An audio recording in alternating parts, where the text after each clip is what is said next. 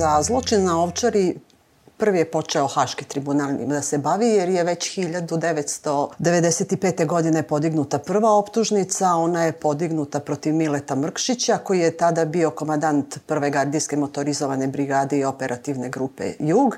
Zatim protiv Veselina Šljivančanina, majora koji je bio zadužen za bezbednost i pod čijom ingerencijom je bila i vojna policija brigade i protiv Miroslava Radića koji je bio kapetan e, koji je komandovao jednim pešadijskim vodom.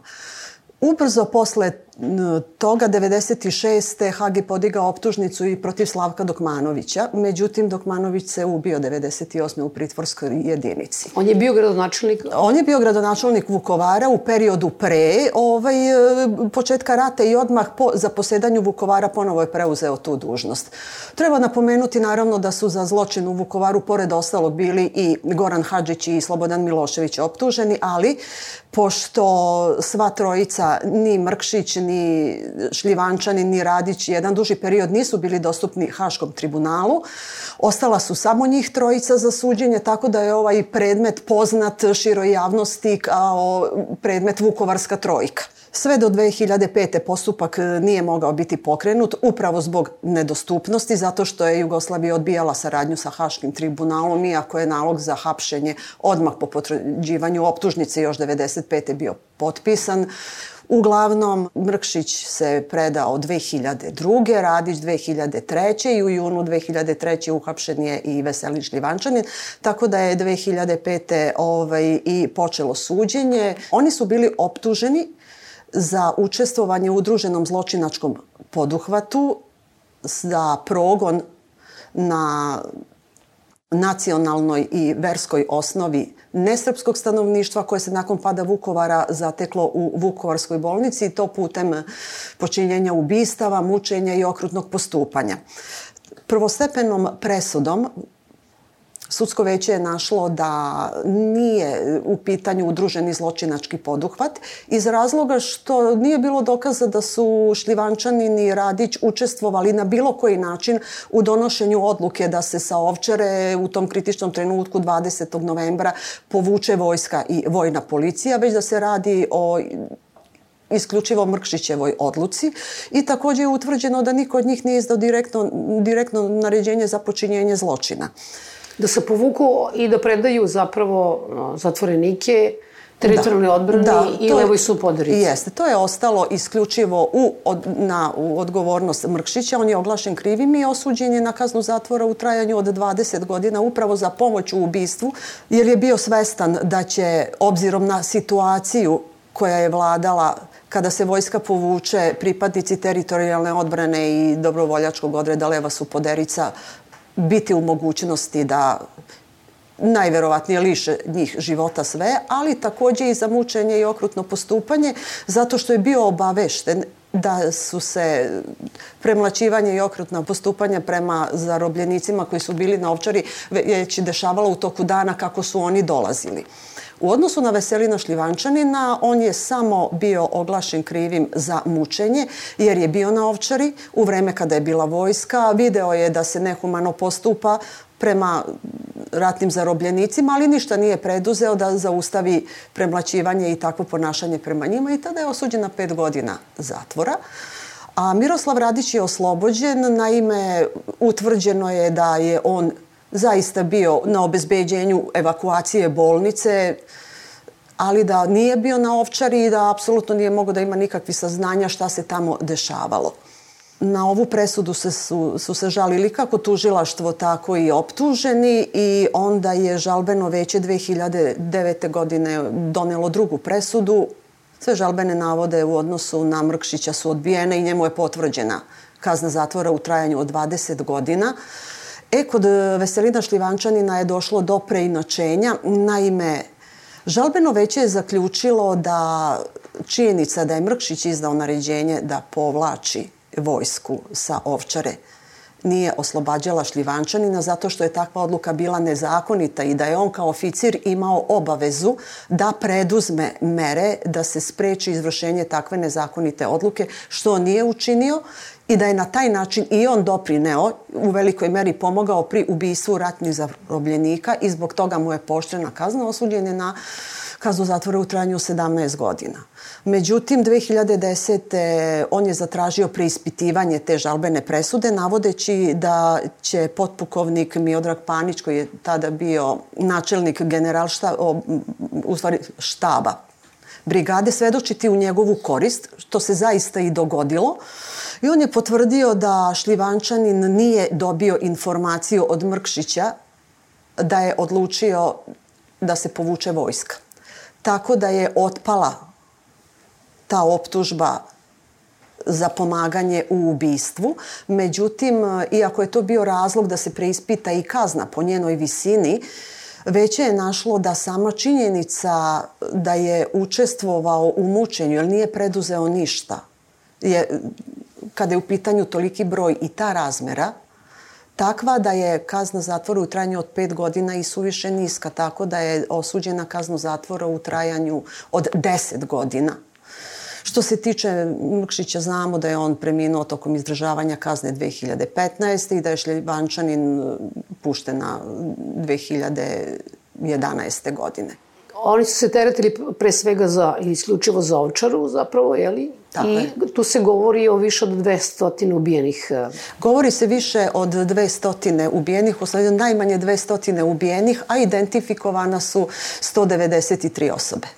Domaći procesi proizišao je iz procesa u Hagu zato što je Haški tribunal ustupio domaćem pravosuđu obilje dokaza i to je bio i prvi postupak koji se vodio pred posebnim odeljenjem za ratne zločine. Prva optužnica je podignuta 2003. godine protiv osam neposrednih izvršilaca. Oni su terećeni da su izvršili krivično delo ratni zločin protiv ratnih zarobljenika, da su naime u noći 20. na 21. novembar na Ovčari prvo ratne zarobljenike koji su dovođeni nečovečno postupali prema njima. Oni su pravili špalir prema ulasku u hangar gde su ih vređali, ponižavali, udarali, a kasnije su ih odvodili u manjim grupama do grabova gde su vršili streljanja. Teretili su se pripadnici teritorijalne odbrane Vukovara i pripadnici dobrovoljačkog odreda Leva su poderica koji su tada bili u sastavu JNA koji je osnovala Srpska napredna stranka, odnosno Srpska radikalna, radikalna stranka. stranka. Suđenje je počelo u martu 2004. godine, međutim kako je tužilaštvo tokom postupka otkrivalo identitet i drugih počinilaca, tako je podizalo nove optužnice i u septembru 2005. ta konačna precizirana optužnica obuhvatala je 16 ukupno optuženih. Te godine je i doneta ovaj, u decembru prvostepena presuda gde je 14 osoba oglašeno krivim i osuđeni su na kazne zatvora u rasponu od 5 do 20 godina, dok su dvojica optuženih oslobođeni. Međutim, Vrhovni sud je tu presudu ukinuo i predmet vratio na ponovni postupak. U ponovnom postupku je već bilo, pošto su stalno išlo umeđu vremenu optuženja, već 18 optuženih, i 2009. godine je doneta u martu prvostepena presuda u ponovljenom postupku gde je od tih 18 13 oglašeno krivim, pet je oslobođeno. Apelacioni sud u žalbenom postupku je sledeće godine samo jednu preinačio presudu tako što je kaznu zatvora pooštrio, a jednu je ublažio i na tome se završilo. Mislili smo da je to definitivan kraj postupka u predmetu Ovčara, međutim nije bio 2010. godine jedan od optuženih podnao je ustavnu žalbu, navodeći da mu je povređeno pravo na pravično suđenje i da mu nije sudio nepristrasni sud. Naime, o čemu se radilo? Radilo se o višestrukoj procesnoj ulozi jednog od sudija. On se u predmetu odlučivanja po žalbi pojavio kao predsjednik veća, međutim u prvostepenom postupku je kao predsjednik suda odlučivao o izuzeću sudija u određivanju statusa svedoka saradnika jednom od optuženih koji je pristao da bude svedok saradnik, kao i odlučivanju o produženju pritvora. Ustavni sud je 2013. godine doneo odluku, uvažio je ustavnu žalbu i stao je na stanovište da zaista se može dovesti u sumnju nepristrasno sudije koji je toliko bio umešan u čitav postupak. Tako da 2014. godine apelacioni sud otvara ponovo taj žalbeni postupak i odlučuje 2015. da otvori glavni pretres. Sada glavni pretres vodi protiv 12 optuženih zato što je umeđu vremenu jedan od optuženih umro i u novembru 2017. donosi presudu u ponovljenom žalbenom postupku gde od tih 12 osam oglašava krivim, četiri oslobađa.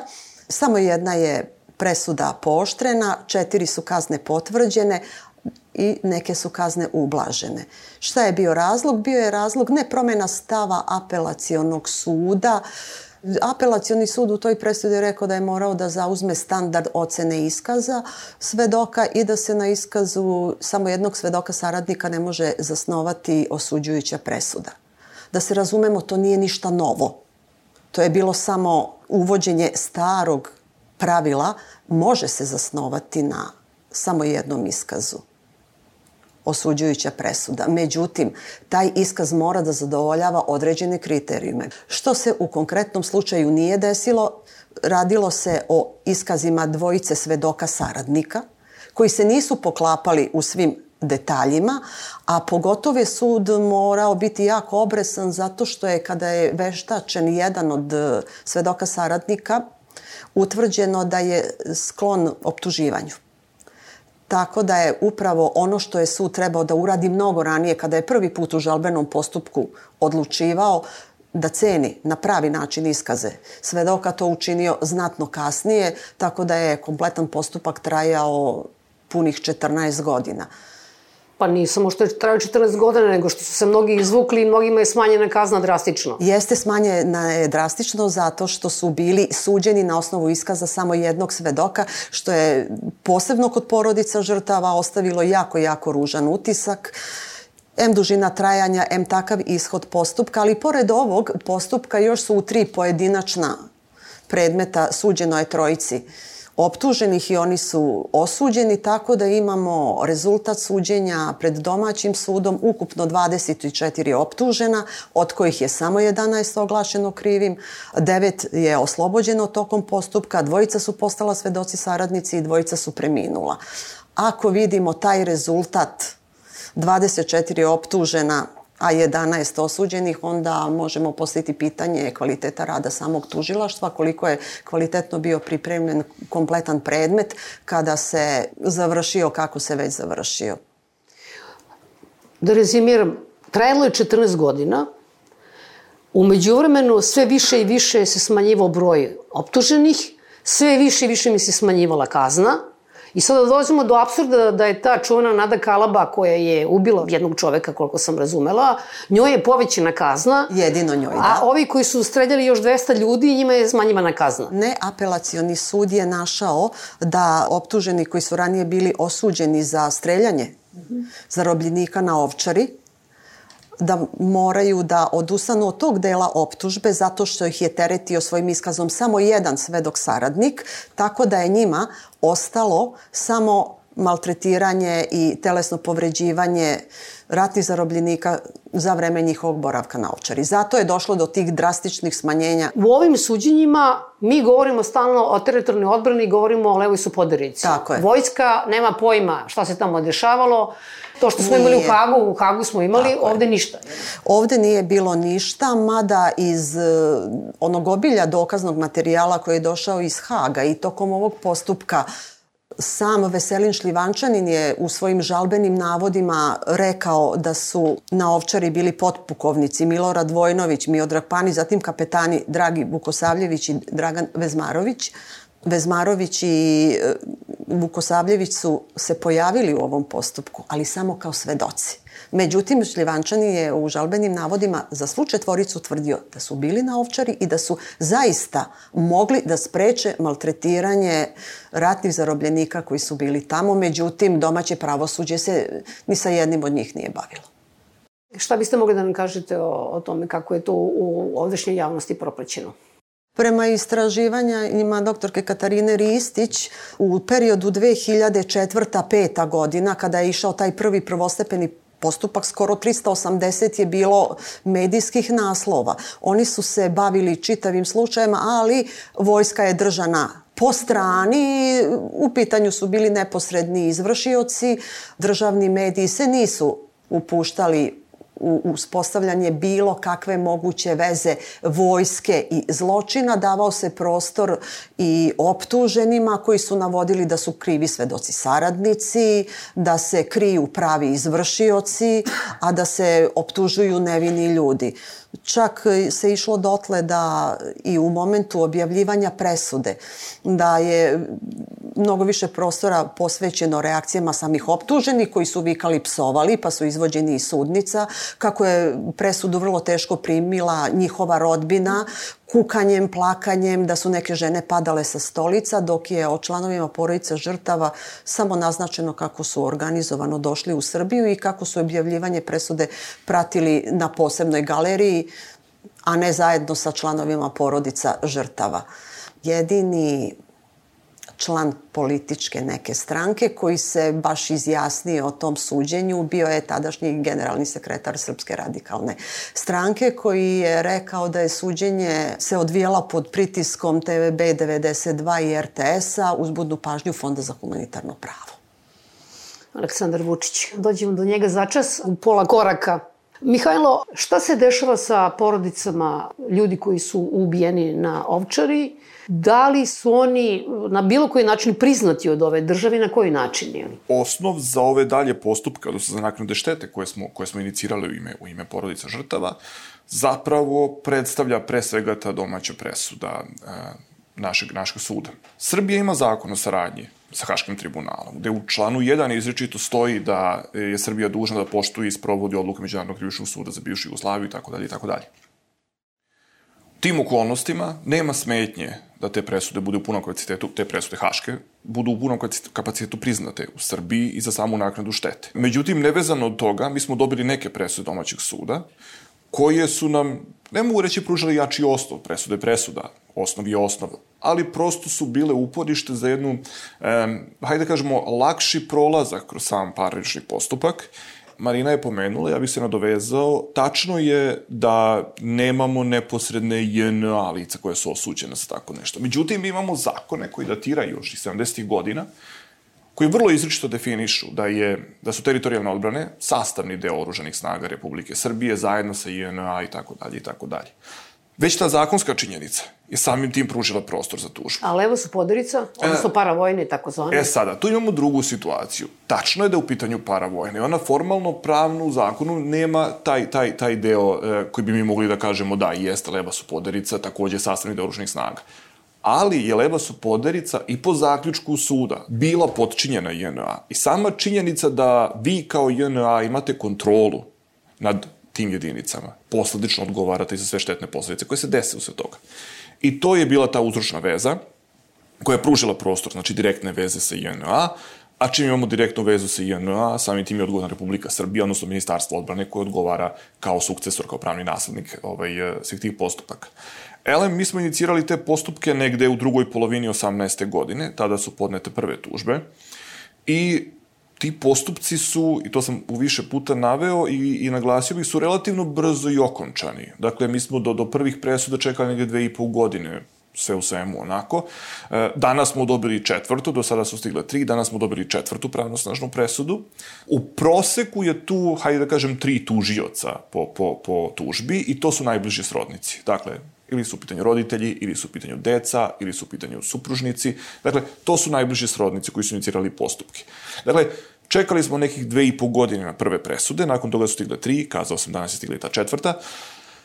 Ti iznosi koji su dosuđeni su, hajde da kažem ono što je najupitnije u tim odlukama. Niko nije doveo u pitanje odgovornost Republike Srbije, odnosno ministarstva odbrane, i u tom delu stvarno ne možemo imati nikakvu zamerku, ostaje zamerka na visinu naknade. Te visine do sada koje se dosuđuju su od nekih 700-900 hiljada dinara po tužiocu, odnosno po članu porodice. Znači, to je nekih šest i nešto hiljada evra i tako dalje i tako dalje. Dakle, svako od njih je dobio tu neku sumu. To jeste standard sudske prakse. Za naknade štete za smrt bliskog lica u Srbiji inače se dosuđuje u nekih oko 700-800 hiljada dinara. U kojim okolnostima? E, tu dolazimo na drugo pitanje. Nije ista situacija ukoliko ja, e, i ne umanjujem ovom prilikom ništa, ali prosto nije ista situacija ako ja stradam u saobraćenoj nesreći, iako sam žrtva najtežeg mogućeg krivičnog dela koje međunarodno i nacionalno pravo poznaje. Dakle, čak i u, i u toj saobraćenoj nesreći nije isto ako ste vi stradali ukoliko ste, ne znam, pijani pretrčavali ulicu na crveno, a oborio vas je vozač koji je bio u granicama vožnje, nije bio alkoholisan u stanju ništa, znači koji je poštovao sve propise, ili kada ste vi pod dejstvom alkohola u punoj brzini, neko ko je savjesno prelazio, na primjer, pešački prelaz, obore. Dakle, ni to nisu iste okolnosti da bi naknade bile iste. Međutim, nekako formalistički sudovi pristupaju svemu tome, oni utvrđuju, aha, predmet spora je smrt bliskog lica, imamo pravnoslažno osuđujuću krivičnu presudu, sudska praksa dosuđuje 800.000 dinara. Ovde je druga važna stvar, to je da je Evropski sud, recimo, u jednom predmetu protiv Hrvatske, predmetu Brdar protiv Hrvatske, koji je za slučaj imao izvlačenje iz kolone, otac i sin su bili, e, avgust 95. kolona, otac je izvučen iz kolone od strane pripadnika Hrvatske vojske, od tada mu se gubi svaki trag i više se ne zna šta s njim desilo i dan danas se ne zna šta s njim desilo. Pred Evropskim sudom je Hrvatska potpisala poravnanje da ne bi ulazili u dalji postupak na neki iznos od 23.000 stoji nešto evra. Ako uzmemo taj uporedivi primjer od 23.000 evra i uzmemo iznos od 6.000 evra, to je trostruko niži iznos. Ja ne bih rekao da, da su ljudi izgub, pa četvorostruko zapravo, neće njima ni tih 20.000 evra na, zalečiti taj iznos. Ali ako već dosuđujemo naknadu, ajmo tu naknadu da podvedemo pod neku vrstu satisfakcije, a ne da od nje pravimo simboličnu sumu koja zapravo na kraju dana ima nameru da ti ljudi dodatno povredi.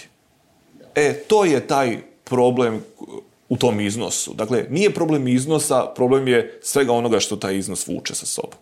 I onda kad imamo tu situaciju, kažem, prvostepeni sudovi su bili daleko osetljiviji, dve presude od milijon i po dinara nisu, nisu zanemarljive i kažem, ali apelacija to zaustavila. I da, ali su sada već i prvostepeni sudovi ujednačili, ujednačili svoju praksu, jer prosto e, kad sudite u prvom stepenu, logično je da ćete da se usklađujete sa standardima e, hirarhijski nadređenog suda. Iako vam hirarhijski nadređen sud kaže da, to su neki rasponi koje mi prihvatamo, vi kao sudija možete zadržati svoj stav presuditi po cenu preinačenja, ali prosto i linija manjeg otpora vas vodi u to da i mislim, linija manjeg otpora, a i neki standard, odnosno obaveze poštovanja tih hirarhijski nadređenih sudova. E sada, tu smo sada došli taj, na taj teren da mi imamo tu domaću presudu koja je proizvela sve ovo što je proizvela. Mi imamo sada već četiri kažem sa ovom danas četiri pravnosnažne presude, imamo iniciranih nekih 10-12 postupaka, uključujući te četiri u ovom trenutku, te četiri su već pravnosnažne, par se nalazi u prvostepenom postupku, jedan veći deo njih se nalazi u postupku po žalbi gde i dalje očekujemo odluku apelacijonog suda. I naravno u svim ovim presudama, uključujući ovu današnju, mi ćemo podneti ustavne žalbe da vidimo da li će Ustavni sud uzeti u obzir te argumente u nekom trenutku ili makar dati adekvatno izraže, izjašnjenje zbog čega uh, Zbog čega možda zapravo ne, ne, ne zavređuje viši iznos, samo da dobijemo prosto adekvatno obrazloženje toga, pa ćemo da vidimo u kom pravcu će da bude. Istina, Ustavni sud, možemo čekamo dve godine, četiri godine, deset godina, to zavisi od, od, od okolnosti, ali suštinski vidjet ćemo šta će kaže. Vi govorite četiri presude, pa ne znam, 12 i tako dalje. Tu je reći o stotinama ljudi. U, u čemu je problem? Oni ne žele da se parniče po Srbiji, nemaju novca, koliko to košta, To je jako mali broj ljudi, umiru, mislim, Tako je. i oni. Tako je. Ti postupci nisu ni malo jeftini. Dakle, vi da, na recimo tužbeni zahtev od 2 miliona, vama je taksa skoro 500 evra na tužbu. Skoro toliko će vam doći taksa na presudu.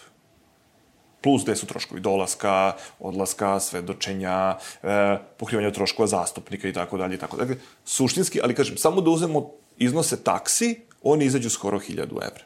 To je jedna stvar. Druga stvar jeste, šta je prednost, ako to možemo nazvati, ako išta možemo nazvati prednošću u celoj ovoj priči. Sama činjenica da ratni zločini ne zastarevaju. E, za sobom nosi posledicu da ni tužbe za naknade štete ne zastarevaju.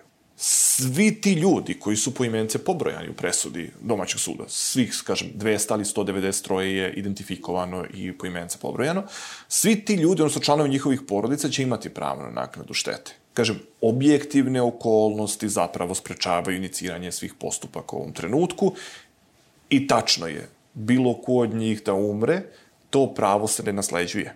Znači, govorimo ovde 193 ljudi kojim su imenom i prezivljenom pomenuti kao ljudi koji su streljani na ovčari.